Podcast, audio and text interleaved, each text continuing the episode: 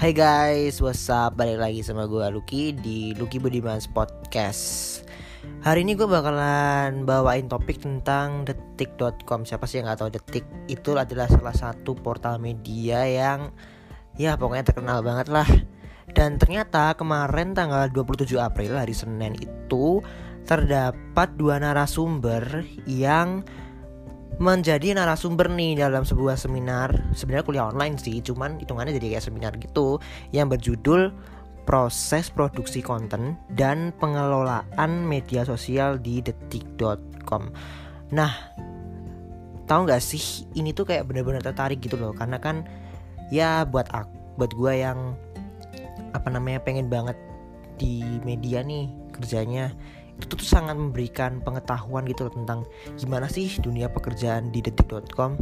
Nah, Mbak Elza Astari sama Mbak Melianti Setiorini itu menjabat sebagai asisten redaktur dan head of content delivery and engagement nih di detik.com dan kayaknya itu benar-benar pekerjaan yang menarik gitu ya kalau didengar sekilas. Wah keren banget nih namanya. Tapi mau tahu nggak sih sebenarnya mereka tuh ngapain langsung aja check it out. Nah, jadi Mbak Elza Astari ini itu ternyata alumni FISIP UAJ loh. Jadi FISIP UAJ itu Fakultas Ilmu Sosial dan Ilmu Politik Universitas Atmajaya Yogyakarta. Dia angkatan 2005. Ternyata Mbak Elza ini sebelum lulus ternyata dia udah sempat menjadi content writernya detik.com nih keren banget gak sih dia bilang kalau tugasnya itu kayak kalau dulu ya dulu tuh ada berita-berita yang ditulis dan disebarkan melalui SMS di handphone.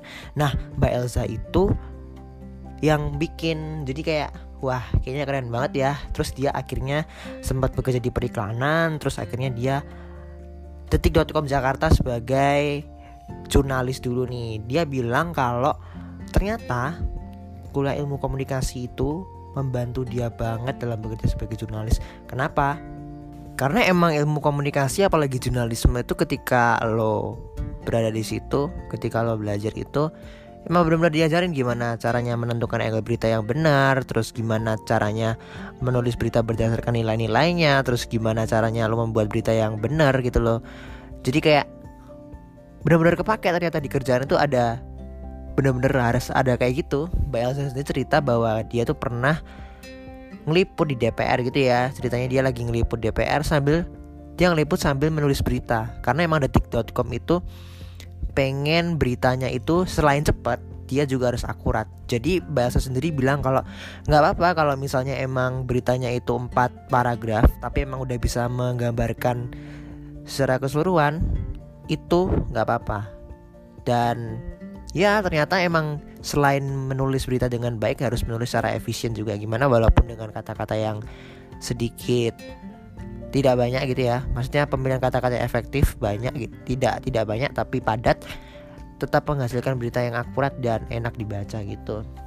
Terus selain itu juga dia bilang kalau di detik ya nggak cuma di detik aja sih sebenarnya cuman jurnalisme secara garis besar itu pasti bakalan banyak tekanan dan dia menyarankan kita kita semua buat terutama yang tertarik buat jadi jurnalis ya itu buat uh, tahan mental tahan banting secara mental dan fisik. Tapi yang diutamakan mental kenapa karena kamu emang bener-bener bakal dihadapkan sama banyak deadline sama banyak tantangan sama banyak apa ya tekanan-tekanan gitu loh yang bisa kamu rasain ketika kamu bisa besok udah kerja dan mau nggak mau tetap kamu harus hadapin gitu loh.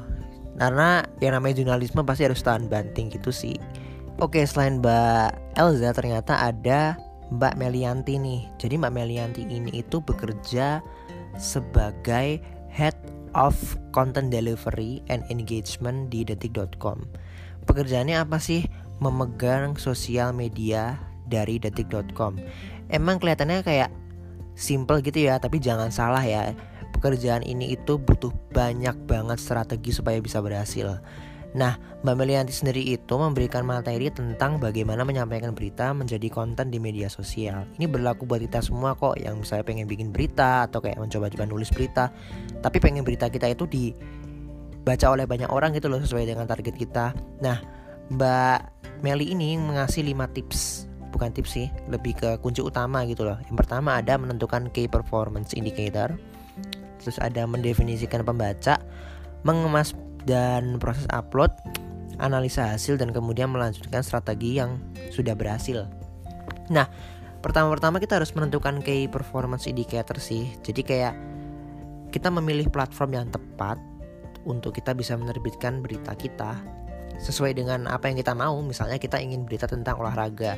Kira-kira platform mana sih yang bakalan berhubungan dekat sama olahraga? Katakanlah Twitter gitu ya, karena Twitter kan kayak bener-bener kalau ada olahraga pertandingan gitu dia nge-update tiap detik. Nah, kita bisa aja tuh kayak ya misalnya kita cuma pengen live tweet gitu ya, misalnya pertandingan apa, harus kita pakai hashtag hashtag gitu. Ya emang media yang paling tepat Twitter karena emang apa ya mekanismenya dia kayak setiap detik gitu kan dia dan dia lebih kayak ke short message service gitu dan kemudian dia harus kayak menentukan tiga indikator utama juga nih kayak traffic, engagement dan branding. Traffic itu kayak banyaknya orang yang masuk website kita atau media sosial kita. Engagement itu mengenai banyaknya orang yang share artikel. Terus branding itu mengenai bagaimana citra citra kita di mata pembaca. Jadi ini tuh lebih kayak ke ya pokoknya yang menonjol di kamu tuh yang mana sih gitu loh dan kamu mencoba me mengkombinasikan itu dengan platform yang kamu rasa sesuai dengan apa namanya sesuai dengan target berita itu tadi.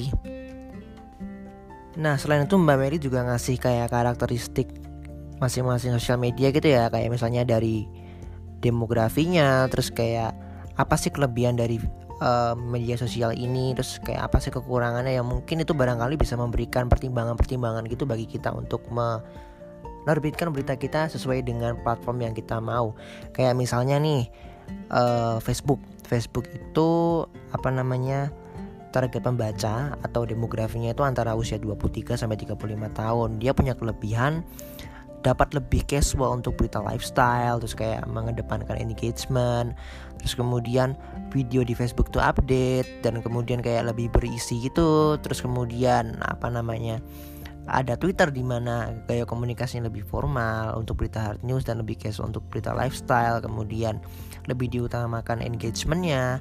Terus kemudian ada target pembacanya usia 18 sampai 35 tahun yang barangkali kalau kita misalnya bikin berita untuk uh, remaja itu bisa lebih banyak diminati dan lebih bisa banyak dibaca gitu. Dan yang saya rasa itu penting banget untuk apa namanya uh, menentukan atau membantu kita untuk bisa mencapai target dari berita kita.